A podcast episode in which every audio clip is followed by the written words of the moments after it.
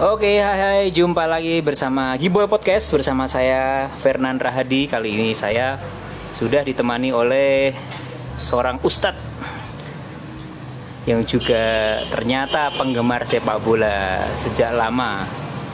Fans sepak bola sejak lama dan tapi sekarang dia sudah ceritanya sudah hijrah menjadi seorang ustadz walaupun begitu saya sudah bersama Ustadz Hafiz Siraj ini namanya Ustadz Hafiz El Sirazi atau Ustadz Hafiz Siras atau yang biasa kita panggil Syekh Hafiz.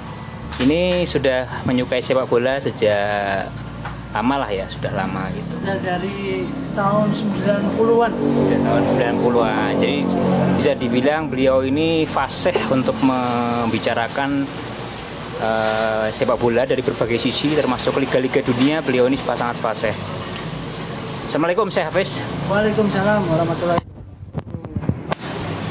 Jadi ya kalau melihat perkembangan sepak bola gitu ya kita menengok jadi sekarang ini sampai kepada perkembangan sepak bola instan. Banyak sekali pemain-pemain yang dibeli ini sudah pada posisinya. Beda dengan posisi pemain-pemain di tahun 90-an atau bahkan tahun 2000 gitu ya. Masih banyak pemain-pemain seperti Sergio Ramos yang tadinya bukan merupakan center back tapi dari awalnya sebagai wing back ya. Sehingga bisa menjadi back tengah yang mumpuni. Sebagaimana balik mundur lagi lebih lama lagi. Ada Paulo Maldini yang awalnya dari pemain wing back kiri sampai akhirnya bisa menjadi center back yang mumpuni. Jadi memang sebagaimana akademi sepak bola ini ya pemain-pemain ini dilatih pada posisi yang tepat ini di mana ya. Tetapi bukan berarti terus mereka ini cuma bisa satu sisi aja cuma bisa satu posisi saja. Tapi bagaimana pemain-pemain ini bisa di berbagai posisi sehingga juga bisa mengantisipasi pergerakan musuh-musuhnya. Nah tujuannya itu dari pemain gelandang bertahan tapi terkadang bisa ditarik menjadi back bahkan mungkin ternyata posisi aslinya adalah center back.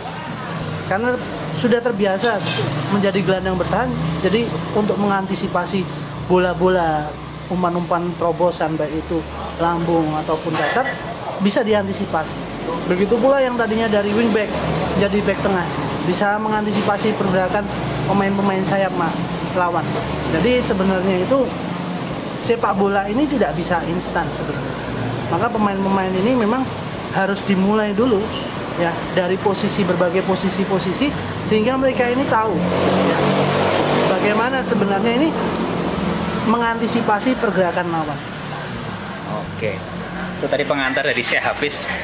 Tapi sebelum ke sana Syekh, aku pengen tahu dulu Syekh Hafiz ini basicnya penggemar klub apa Syekh? Dulu pertama kali itu adanya di TPRI. Sebenarnya tahun 90-an itu ada Liga Italia. Sudah disiarkan di TPRI. Memang Liga apa? Liga Italia. Oh Liga Italia 90-an. Tahun 90-an itu Liga Italia sudah disiarkan di Indonesia. Dan kebetulan yang memang pada waktu itu Liga Italia ini yang bahkan lebih unggul dibandingin liga-liga Eropa lainnya.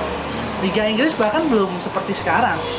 Liga Inggris masih permainannya kaku, masih pertandingannya nih men- menjemukan ya. Maksudnya apa? Jenuh. Orang lihatnya aja sendiri juga males. Liga Inggris pada waktu dulu tahun 90-an. Sampai akhirnya ada perubahan-perubahan sistem. Perubahan-perubahan permainan ya. Akhirnya Liga Inggris pun mereka ini sebagaimana telur ini berubah menjadi anak ayam ya jadi posisinya ini sekarang bahkan Liga Italia sendiri ini kalau kemarin ini sempat bahkan lebih kalah dibandingkan Liga Liga Spanyol yang notabene-nya sebenarnya Liga Spanyol ini dulu juga di bawahnya Liga Inggris ataupun Liga Liga Italia.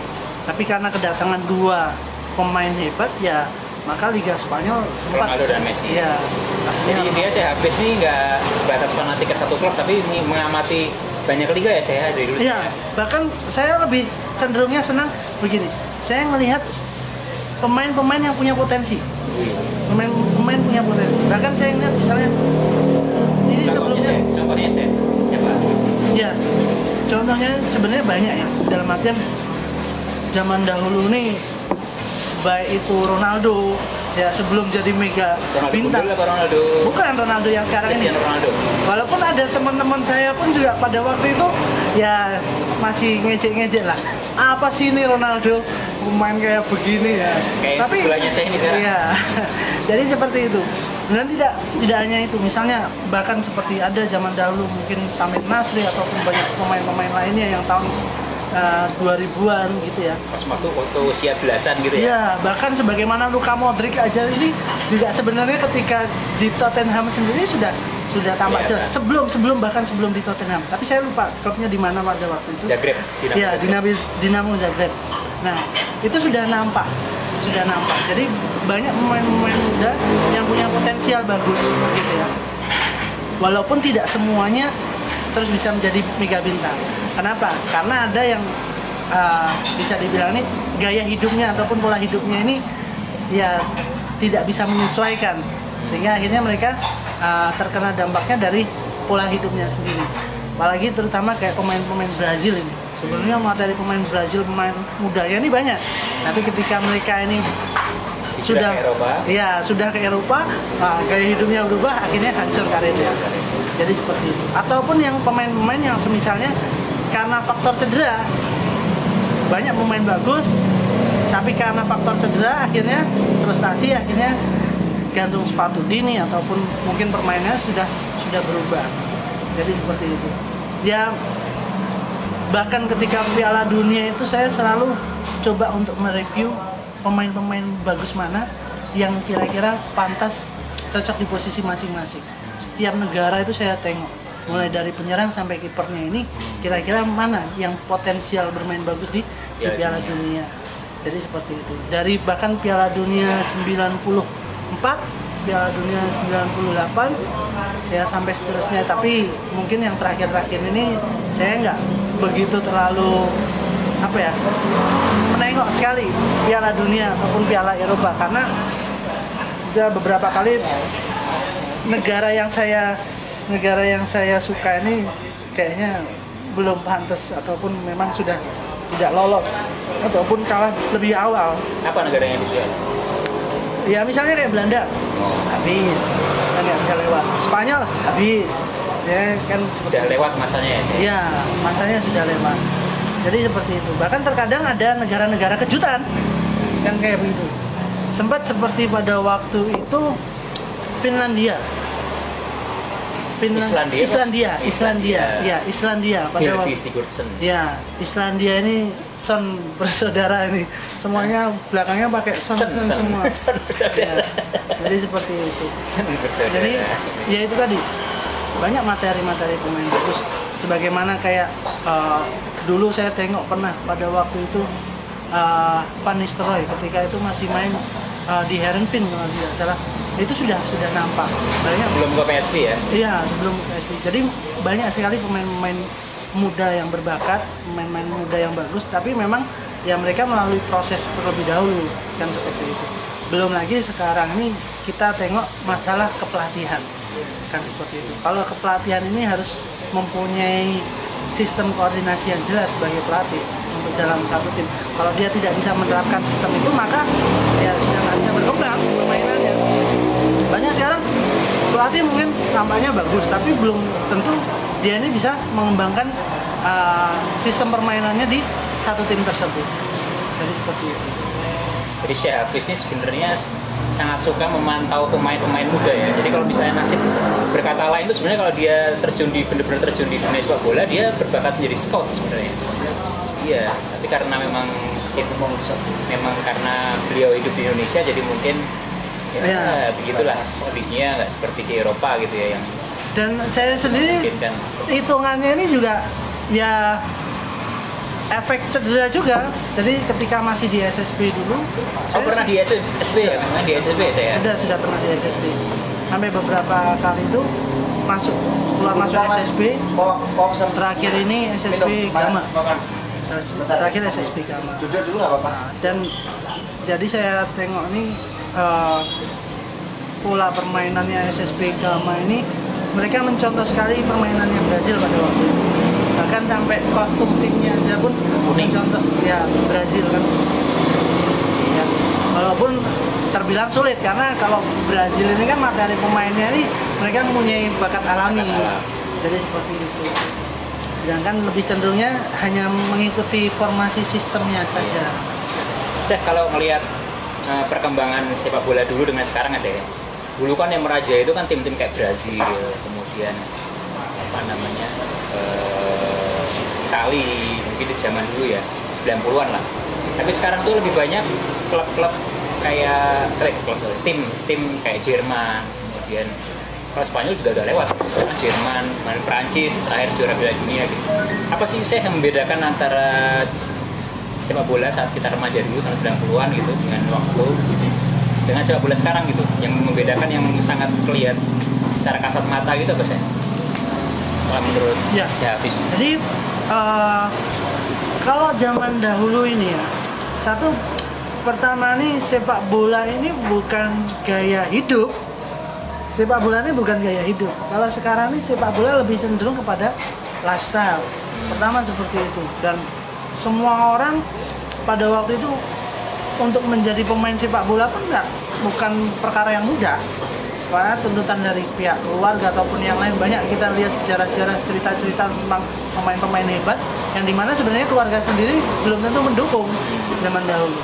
Tapi kan be- berbeda dengan sekarang kan seperti itu. Kalau zaman sekarang ini kan untuk menjadi pemain sepak bola bahkan anak didukung kan seperti lebih mudah lah ya Lebih mudah. pemain gitu ya. lebih mudah dan bagaimana dengan kemajuan teknologi sehingga kita bisa melihat sepak bola dari seluruh dunia bahkan bagaimana uh, belajar untuk uh, menggiring bola ataupun belajar melakukan uh, juggling ataupun teknik-teknik bermain bola kita bisa tengok lewat media pun banyak sekali.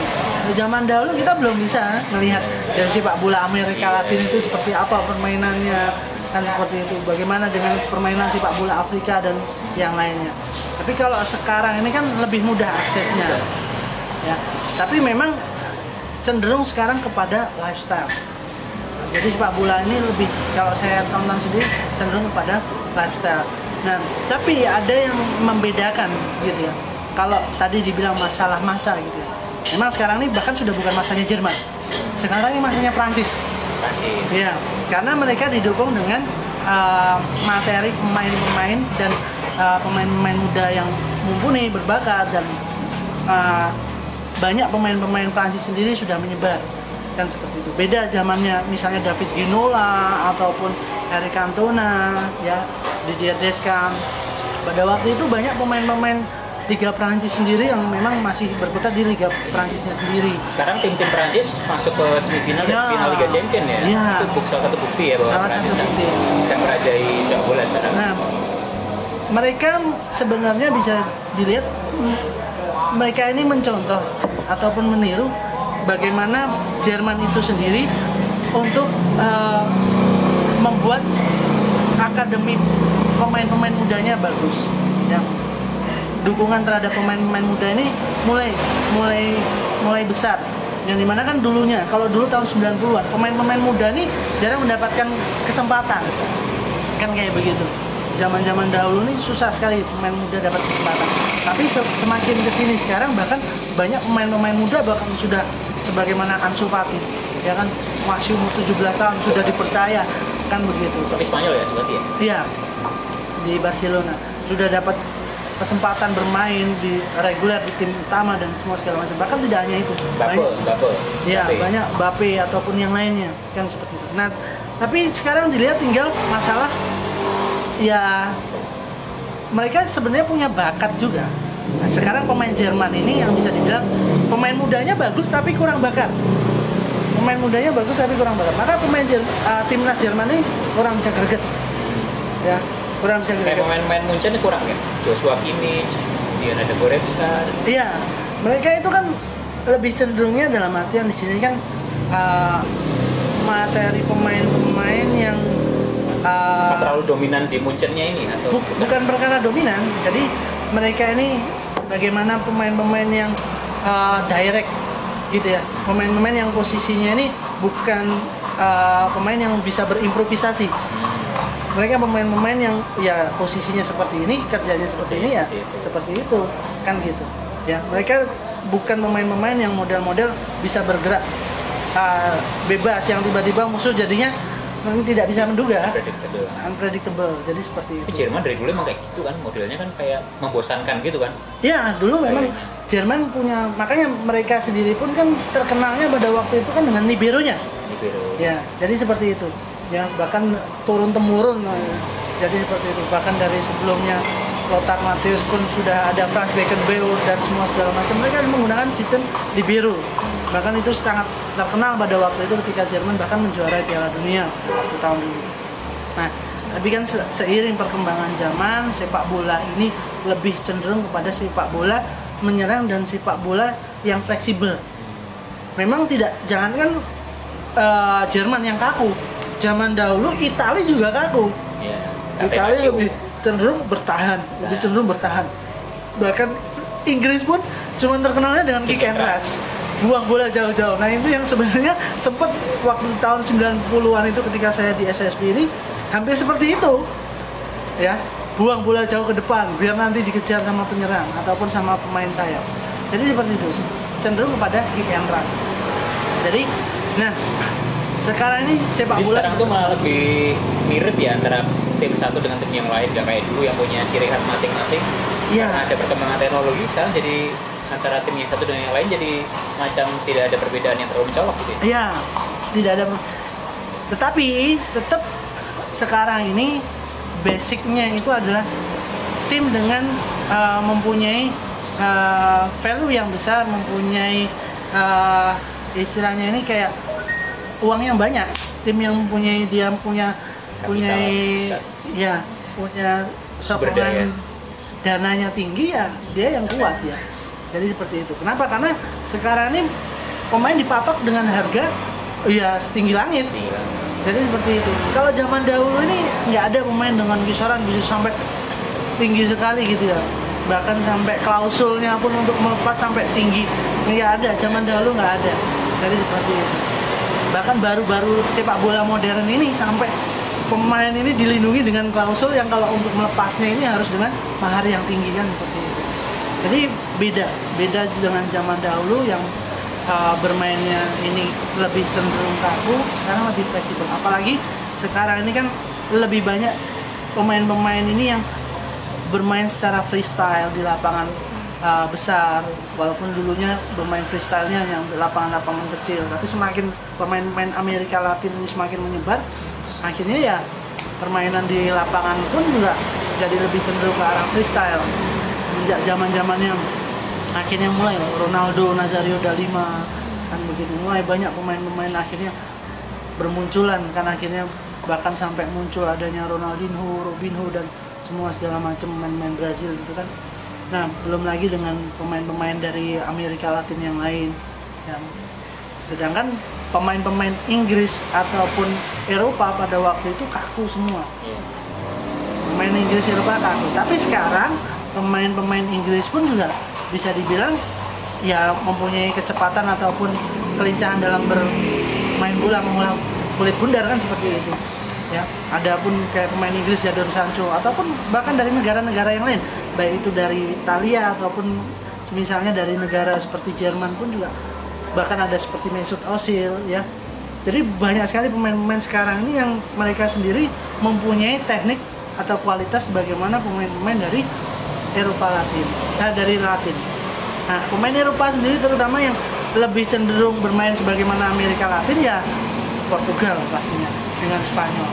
Ya, itu memang suasananya kuat sekali, kental sekali cara bermainnya mereka. Ya, makanya bahkan Portugal pun dibilang juga Brazilnya Eropa. Brazilnya Eropa. Brazilnya Eropa. Maka banyak sekali pemain-pemain eh, apa ya pemain-pemain Portugal ini lebih cenderung dijadikan pemain-pemain semacam kayak tumpuan sekarang. Ada macam-macam kayak Joao Felix sekarang yang dijadikan Iya. tumpuan. Pemain-pemain mudanya cuma lumayan bagus ya Iya, Portugal ini. ada Diego Jota, ya bahkan Ronaldo sendiri pun masih Masih bisa. masih digunakan. Bahkan banyak sekali ada pemain-pemain Gonzalo Guedes, ya. banyak sekali pemain-pemain uh, Portugal yang mengisi posisi utama di tim-timnya masing-masing kan seperti itu. Nah sekarang karena permainan ini lebih cenderung ke arah fleksibel, tidak terpatok, tidak harus ya saklek mainnya di sayap kanan kanan terus, tapi bisa mereka ini uh, switch position dari yang kanan pindah ke kiri kiri ke kanan.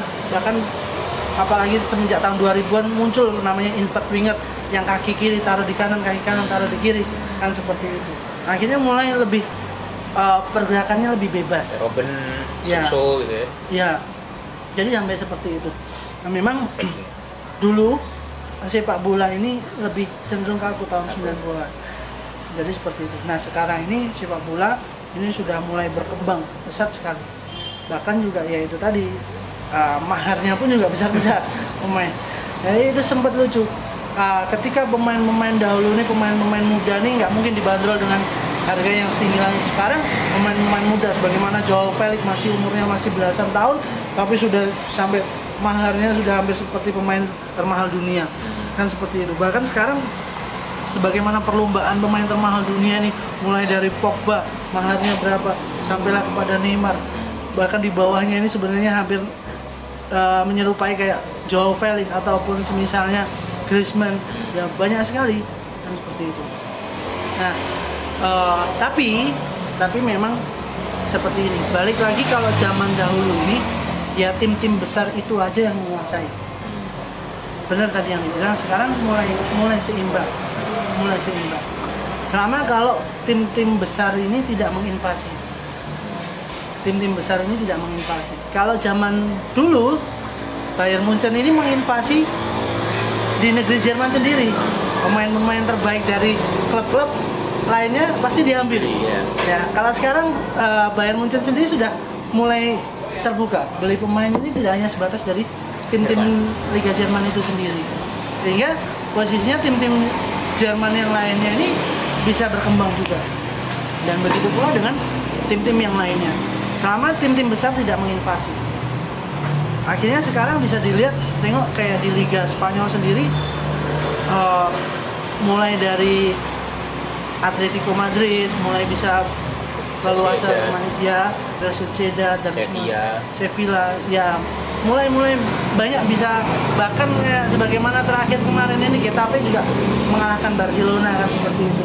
Maksudnya sekarang ini nggak nggak patokan. Bahkan tim-tim kecil Liga Inggris pun sekarang juga sudah bisa menaklukkan tim-tim papan atas Liga Inggris kan seperti itu.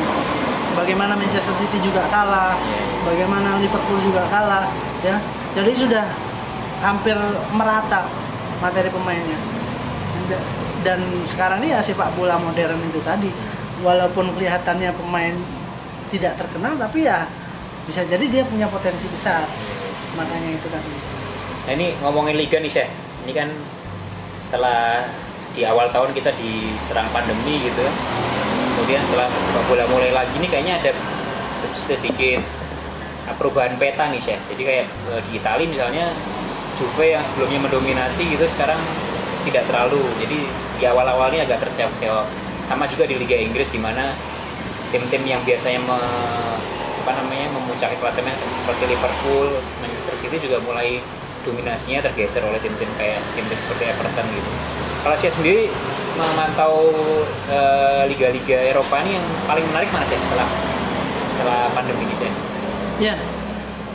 Saya jujur pertama saya senang juga dengan Liga Italia.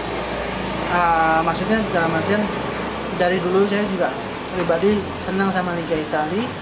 Terus melihat sekarang ah, ada pergolakan-pergolakan di Liga Italia itu sendiri.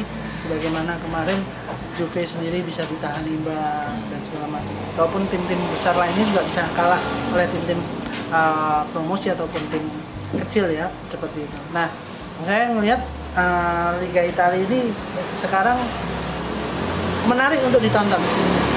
Liga Italia menarik untuk ditonton kembali. Berbeda misalnya dengan dengan Liga Jerman. Liga Jerman dari dulu ya Bayern Munchen ataupun Dortmund aja yang berkuasa kan seperti itu. Nah, kalaupun sekarang ini kita melihat Liga Spanyol ini sebenarnya mengalami penurunan. Apalagi kan Messi-nya ini sudah mulai mulai uzur, sudah termakan usia sebagaimana Ronaldo. Tapi kan di sini di Liga Italia ini yang disorot bukan masalah Ronaldonya, tapi adalah tim-tim bagaimana yang dulu sempat jaya terus terseok-seok akhirnya naik lagi seperti, seperti Milan kan kayak begitu terus akhirnya Inter Milan akhirnya derby baik Inter Milan atau AC Milan itu sendiri Meladonina ini menjadi tontonan yang menarik lagi kan seperti itu ada gregetnya gitu. Beda dengan Liga Inggris misalnya antara Manchester United ataupun Manchester City kayak sudah nggak menarik lagi Nah, karena nggak punya lagi. akar historis juga ya Iya, akar historisnya ini Iya, kurang iya. kuat kan seperti itu. Kalau zaman dahulu nih, kalau derby antara AC Milan ataupun Inter Milan bahkan sampai supporternya pun ada yang sampai mati kan seperti Hmm, itu. iya. Sedangkan kalau di Liga Inggris ini kan berbeda. Beda. Perkaranya bukan seperti itu. Kalaupun di Liga Inggris ini ada supporter mati ya di luar stadion kan seperti itu. Biasanya sih holigan-holigan ini kan biarannya di kafe-kafe. Iya. Ya, beda. Nah, walaupun di sini kita tengok di Liga Inggris Leicester City bisa uh, ada gregetnya ya Leicester City ini bisa naik peringkatnya Nah, terus bagaimana Everton sendiri sebagai salah satu uh, istilahnya uh, pesaing kuat ya dalam perebutan liga juga sebagai juara liga ini tapi sekali lagi bahwa ini liga Italia ini kita tengok sebagaimana di Liga Champion. Nah, di Liga Italia ini ataupun di UEFA League ini mereka sedang berjaya sekarang. Tim-tim Liga Italia, ya. Maka ya itu tadi. Ini ada peta kekuatan baru yang tadinya ini cenderung di Spanyol ataupun di Inggris sekarang bergeser ke Liga Italia.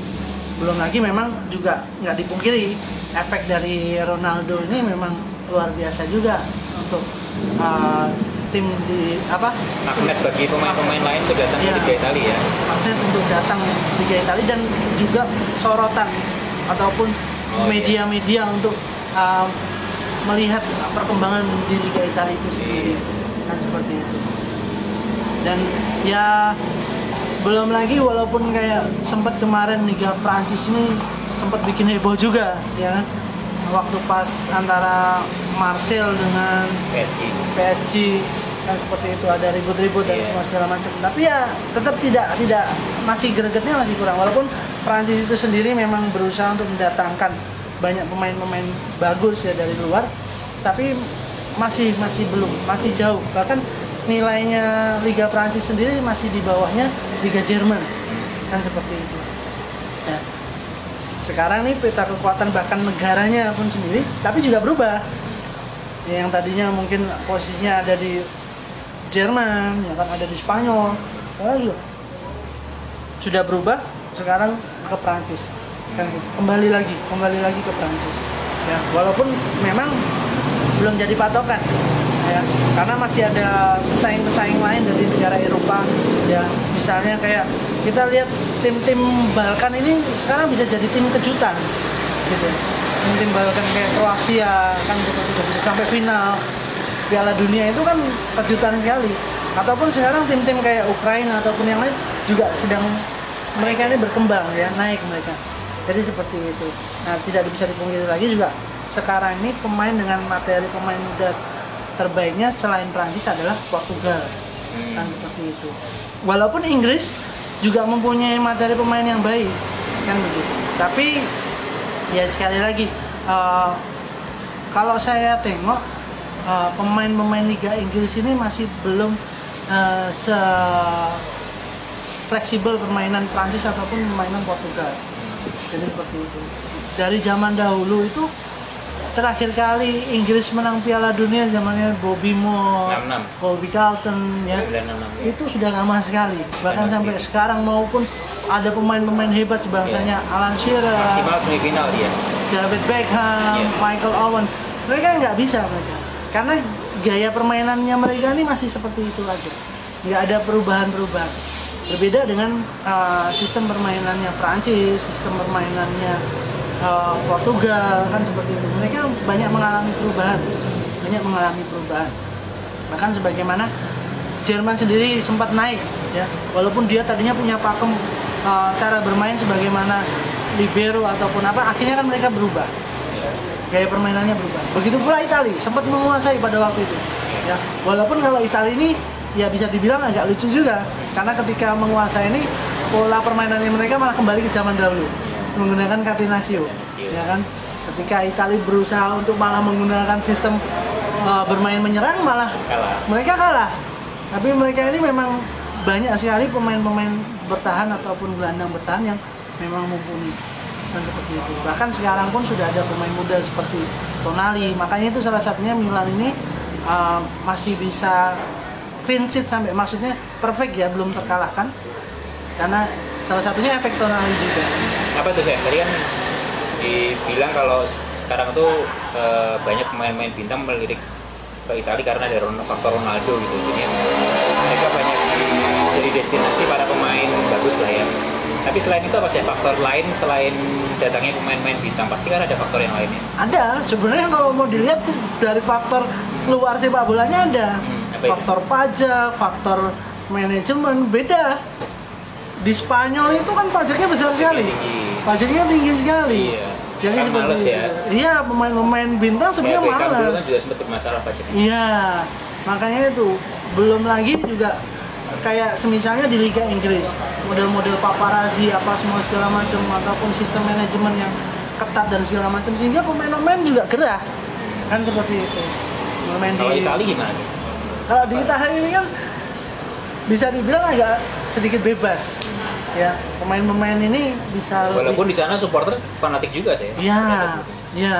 Supporter fanatik, yang jelasnya seperti itu. Dan sebenarnya kalau dibilang fanatik ini, misalnya contoh antara tiga liga yang terkuat gitu ya di dunia sekarang, Liga Spanyol, Liga Inggris, Liga Italia. Fanatik ya lebih fanatik Liga Italia, kan seperti itu. Basis fans clubnya ini lebih lebih kuat.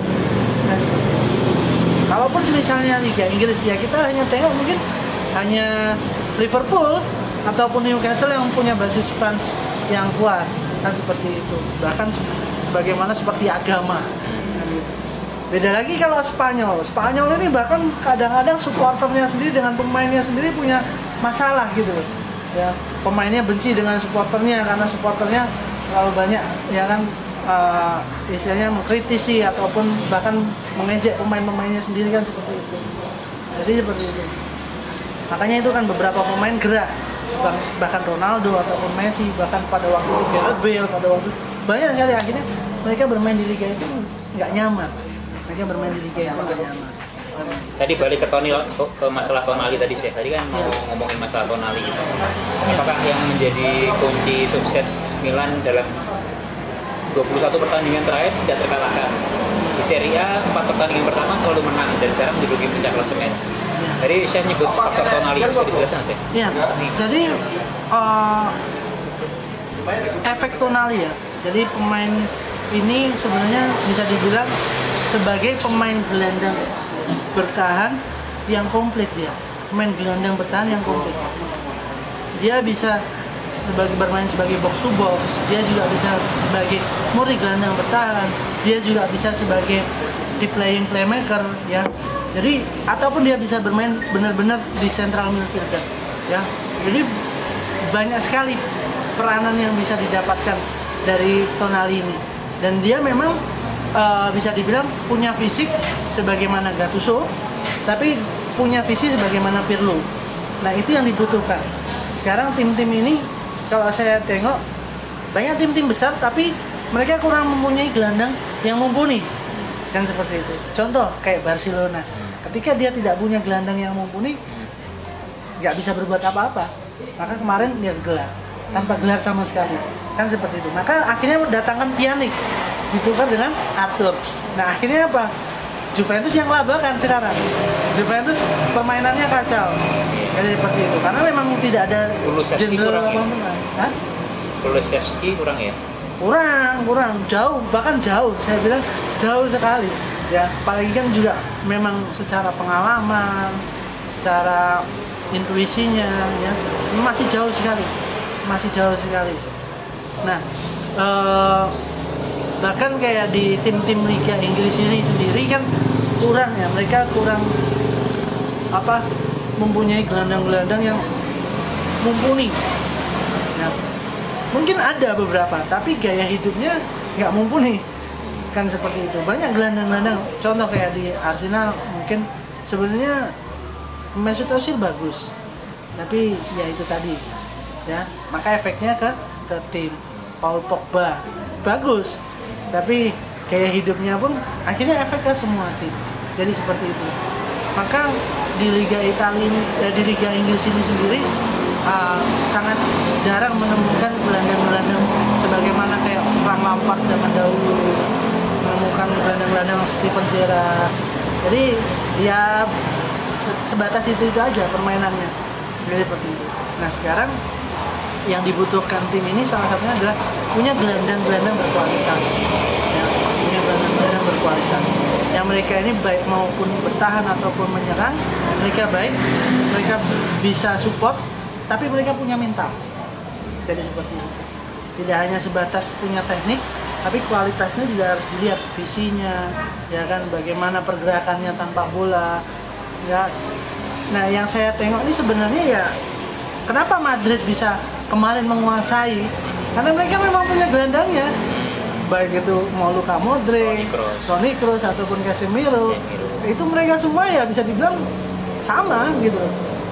Gelandang-gelandang yang bisa dibilang komplit. Tapi memang mereka punya menonjol di sisi masing-masing kan seperti itu. Kayak misalnya uh, Casemiro dalam perkara box to box ya bisa dibilang dia pemain yang hebat. Sekarang ini gelandang yang bagus dalam perkara box to box ya Casemiro ataupun semisalnya pemain dengan visi yang bagus uh, sebagai di playing playmaker ya Toni Kroos bisa mengatur irama permainan bola temponya mau mungkin buat cepat ataupun lambat kan seperti itu Kalau saya kan dulu waktu masih masih aktif bermain kan berposisi sebagai gelandang ya. ya Kalau melihat sekarang eh, dengan apa namanya berbagai pemain apa dengan posisi gelandang menurut saya yang paling terbaik lah. Gelandang terbaik sekarang siapa sih gelandang terbaik sekarang? Di dunia ya. Ya gelandang terbaik sekarang nih ya masih Luka Modric. Tapi kan dia sudah memasuki masa usurnya udah udah, Udah turun. lewat ya. Cuma Ya. kemarin bisa dapat Ballon d'Or karena faktor ya. Kroasia di Piala Dunia. Ya benar. Cuman memang kita nggak bisa pungkiri.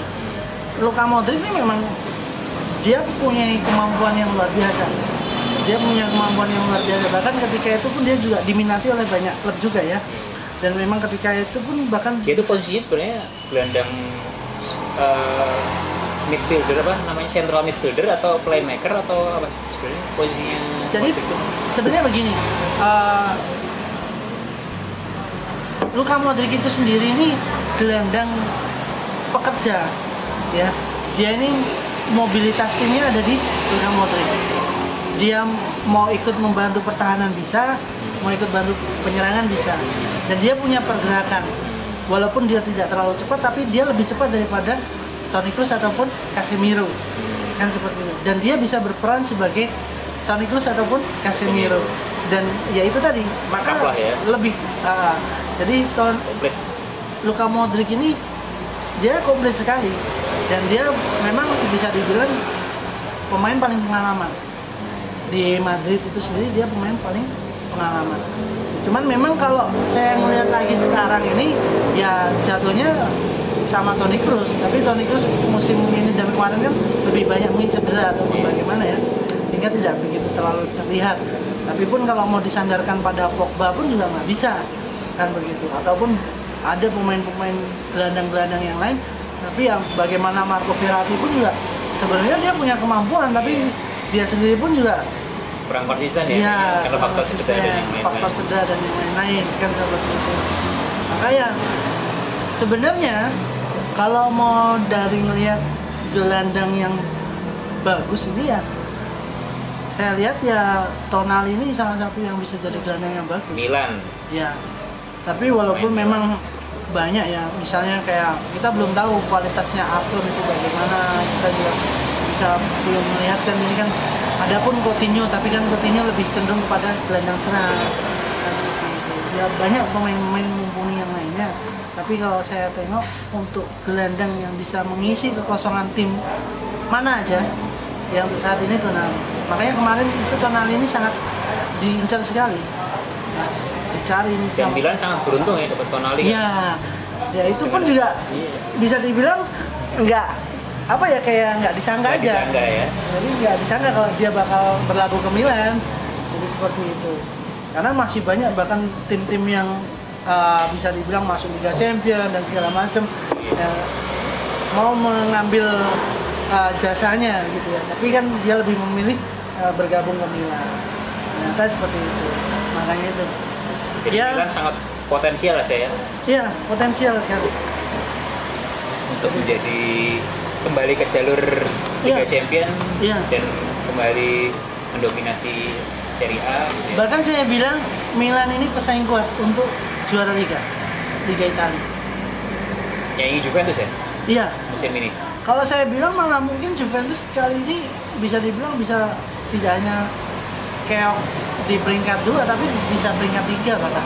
Kenapa? Karena posisinya sekarang ini ada tim-tim kayak Lazio ataupun tim-tim kayak uh, Napoli. Napoli ini yang bisa ngejatuhin Juventus. Kalau Roma gimana sih Roma sih? Roma ini belum stabil.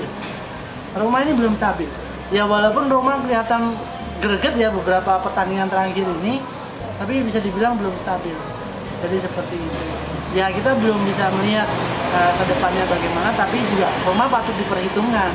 Roma patut diperhitungkan. Makanya uh, ketika pemain-pemain Roma ini fit, uh, ya bisa mereka berbahaya kan. Tapi Roma ini untuk perkara pemain penggantinya ataupun pelapisnya ini mereka kurang. Jadi makanya ini Roma sendiri posisinya sekarang masih berkutat di luar empat besar kan seperti itu. Makanya ini kalau dilihat ya masih seputar antara Inter Milan ataupun Juventus, Napoli kan seperti itu. Tapi Milan sendiri sebenarnya sebagai pesaing yang kuat. Selama posisinya ini bisa mempertahankan uh, pemainnya tidak banyak mengalami cedera. Musuhnya ya sekarang cedera aja. Jadi seperti itu. Karena kalau dilihat secara pelapisnya Milan sendiri pun sebenarnya kurang. Lapisan pemain penggantinya pun tidak tidak begitu banyak. Apalagi kan sebenarnya materi pemain Milan sendiri bukan materi pemain yang bagus-bagus kan begitu. Bukan materi pemain-pemain uh, papan atas ataupun kelas wahid ya. Ibrahimovic aja ya. Ya Ibrahimovic aja sendiri pun tidak termasuk bisa bilang sudah mau habis masanya ataupun mungkin sudah masa-masa habis. Ya, tadi kalaupun ada pun seperti uh, Leo ya itu memang luar biasa dia salah satu pemain muda yang yang bisa mendongkrak Milan juga gitu ya.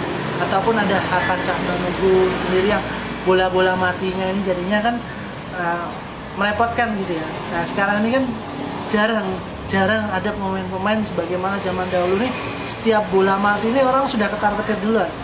Musuhnya udah ketakutan duluan. Kan seperti itu. Karena zaman dahulu nih kalau bisa dibilang banyak sekali pemain yang mempunyai uh, Buat tendangan bebas. Iya, tendangan bebas tendangan bebas yang yang bagus kan seperti itu. Mau itu Beckham. Beckham, Roberto Carlos. Dan banyak sekali, Iya. banyak sekali.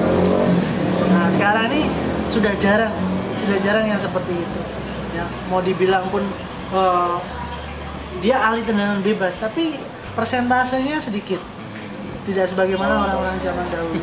Kayak gitu. Mau dibilang Neymar, Neymar misalnya Hmm. spesialis tendangan bebas ataupun Lionel Messi spesialis tendangan bebas. Tapi Berapa persen? berapa persennya? Ronaldo spesialis tendangan bebas. Semuanya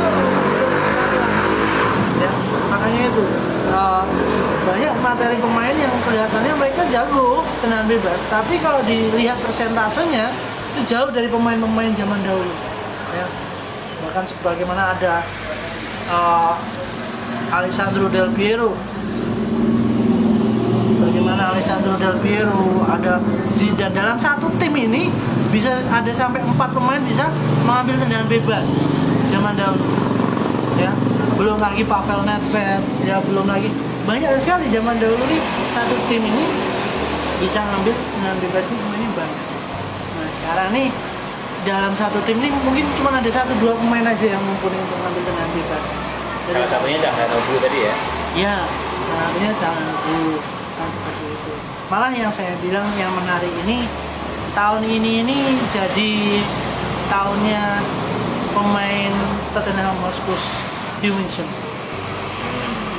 ini dia lagi on fire. Dia lagi on fire sekali dan hampir setiap pertandingan dia nyetak gol. Ini beberapa Song pertandingan Hyun-min. Song Heung-min. Ya Song ini dia lagi on fire sekali. Tapi uh, Tottenham Hotspur-nya sendiri uh, bisa dibilang masih labil. Belum bisa konsisten.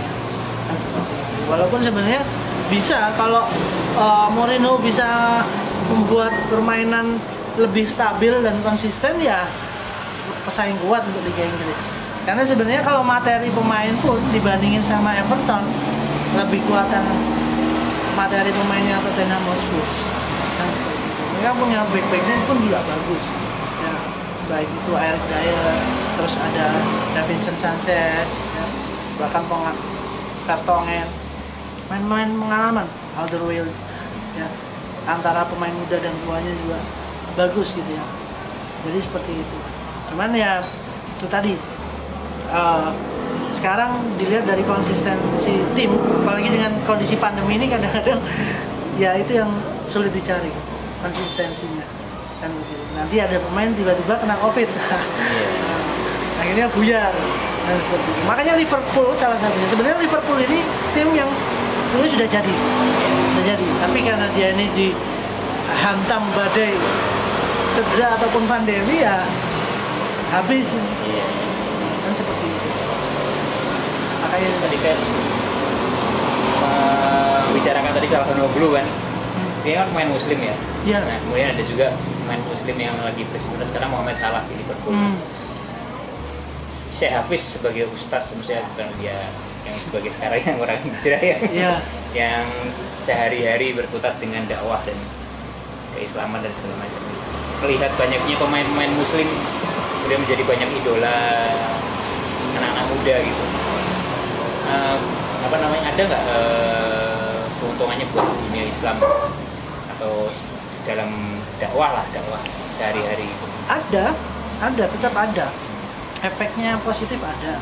Ya sebagaimana Mo Salah sendiri itu kan bagaimana di Liverpool yang mempunyai efek Mane saya juga bahas ada Iya. Mane juga. Bahkan Islam bin Hacer Iya. di AC Milan sendiri kan begitu. Ya memang pastinya banyak pemain-pemain Islam sendiri sekarang sudah eh,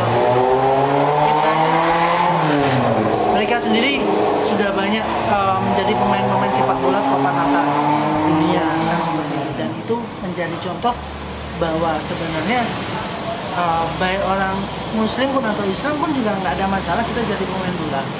Kan seperti itu ya. Jadi ya yang penting bagaimana kita ini menjalani kehidupannya nah dan itu juga menjadi contoh yang baik apabila dia sebagai pemain sepak bola dia uh, sebagai figur uh, dia menunjukkan keislamannya yang baik maka itu menjadi perkara yang baik dan Mesut Ozil bahkan sangat lantang menyuarakan pembelanya terhadap Muslim Uighur ya di Cina. Iya, Itu sangat luar iya. biasa. Walaupun itu juga agak berpengaruh terhadap karirnya di Arsenal ya. Iya, politik. Iya. Iya. tidak hanya itu sebagaimana mungkin misalnya Pogba pun juga Hmm. ah, sebagai orang yang juga taat ya tapi ya itu tadi mereka menjadi sorotan nah kalau semisalnya mereka ini ah, berbuat sedikit kekhilafan maka itu juga punya efek yang luar biasa buruk buat anak-anak muda bahkan sebenarnya di luar perkara masalah Islam itu sendiri sebagai pemain sepak bola pastinya menjadi figur apalagi pemain papan atas. Orang-orang pasti mencontoh. Nah mau diajaknya ke mana? Nah anak-anak generasi muda ini. Memang anak-anak muda sekarang ini mau diajaknya ke mana? Kan kayak gitu. ya kalau misalnya zaman dahulu misalnya ada pemain-pemain muda yang terlibat skandal apa semua segala macam ya maka akhirnya juga punya efek yang buruk buat generasi selanjutnya kan begitu. Makanya itu pun sebagai uh, pemain muslim seharusnya mereka juga bisa menunjukkan sisi kemuslimannya. Banyak pemain zaman dahulu yang menunjukkan misalnya saya sebagai muslim walaupun saya bertanding saya puasa. Dan seperti seperti itu. Siapa ya dulu ya? Kayaknya Tore Oh, kalau Tore. ya jadi seperti itu. Maka banyak banyak pemain-pemain. Nah, jangan sampai malah di sini sebagai pemain sepak bola papan atas dunia muslim tapi dia malah kelakuannya ini tidak menunjukkan sebagai seorang muslim. Jadi seperti itu. Karena dia figur. Dia sebagai sosok figur. Dan semua orang ini kan posisinya menyorot uh, figur-figur ini tadi. Bahkan terkadang ini uh, pemain sepak bola ini bisa dibilang lebih uh, punya efek yang besar daripada seorang presiden itu sendiri. Ya dibandingkan misalnya presiden-presiden di negara masing-masing punya efek yang lebih luar biasa jadi seperti itu dan ini kelasnya seluruh dunia Iya. kan seperti itu. Walaupun misalnya pemain Eropa, tapi yang suka mau dari Afrika, mau dari Asia, dan semuanya suka kan gitu. Maka efeknya luar biasa pemain ini. Kalau dia misalnya bisa mencontohkan yang baik, maka ya akan menjadi perkara yang baik. Beruntungnya sejauh ini kayaknya yang mencontohkan memang figur-figur atlet muslim itu yang mencontohkan yang baik ya.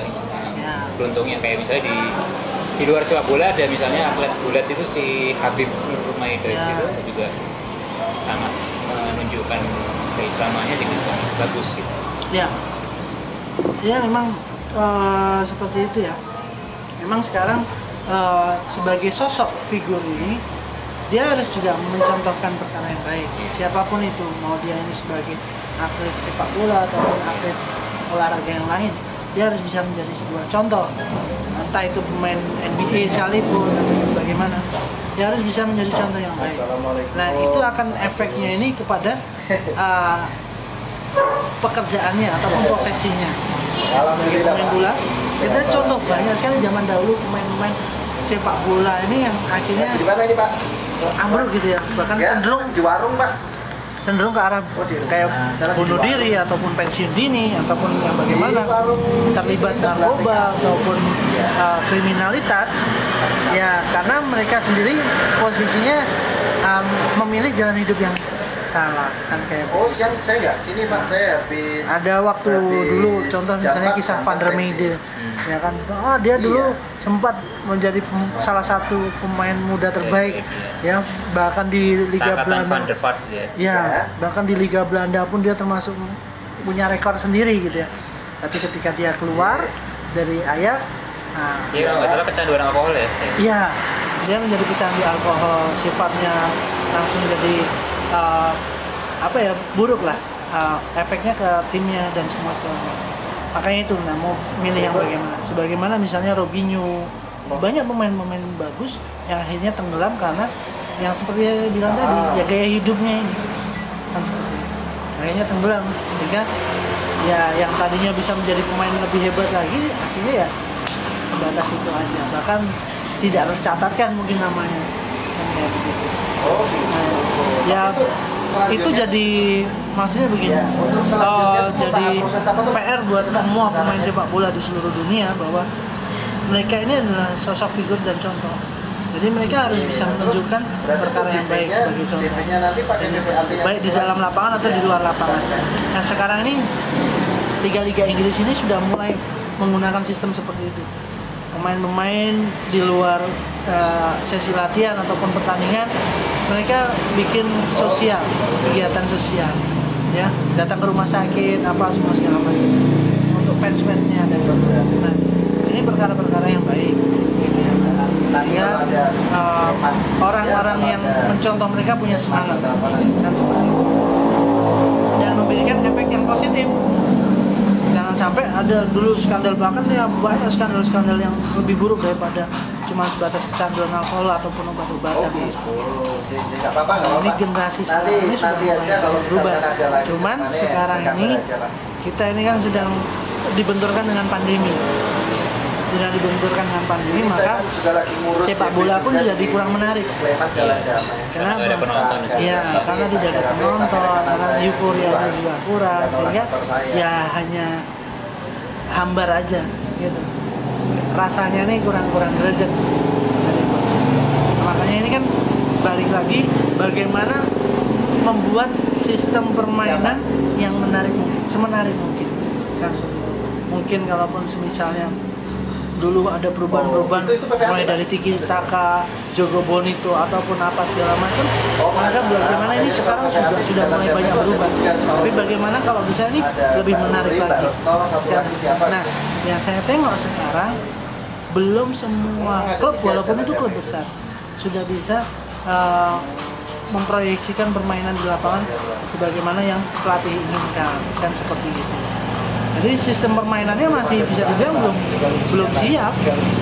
Satu sisi pemain secara psikologisnya masih ketakutan dengan pandemi, ya kan untuk dengan perkara yang lainnya misalnya masalah gaji, masalah gaji ini sendiri pun sudah ada pemotongan-pemotongan gaji. Akhirnya pemain-pemain sendiri pun juga ya bermain tidak tidak lepas. Ada ketakutan-ketakutan dalam bermain. Ya, sebagai penutup yang jelasnya pasti bagaimana eh, pemain-pemain semua ini bagaimana bisa memberikan contoh yang baik ya, dengan keadaan pandemi ini dan mensupport eh, orang-orang yang mencintai sepak bola sebagai contoh mereka ini bahwa bagaimana kita sama-sama berusaha untuk melawan keadaan pandemi sekarang dan bagaimana kita sama-sama uh, saling menggandeng dan merangkul uh, baik itu pemain ataupun sebagai supporter itu sendiri. Karena sebe- sebenarnya kalau olahraga, terutama sepak bola ini yang kita bicarakan ini adalah ya sebenarnya solusi juga untuk supaya meningkatkan ketahanan daya tubuh juga saya. Benar. Iya kalau di Ya. kantor kan kayak Nah, sebagaimana kita berusaha untuk olahraga, bagaimana ini kita uh, berikhtiar untuk tetap sehat ya secara jasmania. Jadi seperti itu. Jadi ya Iya diusahakan ya jangan sampai kita hanya berdiam diri di rumah ya kita hanya ya kita menonton sepak bola tapi kita terus jadi malas untuk keluar dari rumah kita tetap harus yang melakukan sebuah kegiatan pak. Mudah-mudahan. Oke, makasih saya Hafiz. Ya, Gi- Gibol supporters itu tadi pembicaraan saya dengan Ustadz Syekh Hafiz Siraj atau bisa dipanggil Hafiz, Syekh Hafiz. Nah, sangat menarik pembicaraan tadi mulai dari sepak bola dari tahun 90-an hingga uh, sepak bola modern hingga tadi sampai pembicaraan tentang Liga Italia, Liga Spanyol dan Liga Jerman sampai juga tentang sepak bola muslim dan sepak bola di masa pandemi. Mantan mantan. Oke, eh, sekian Gibo Lovers. Eh, sampai jumpa di podcast selanjutnya. Ciao. Assalamualaikum warahmatullahi wabarakatuh.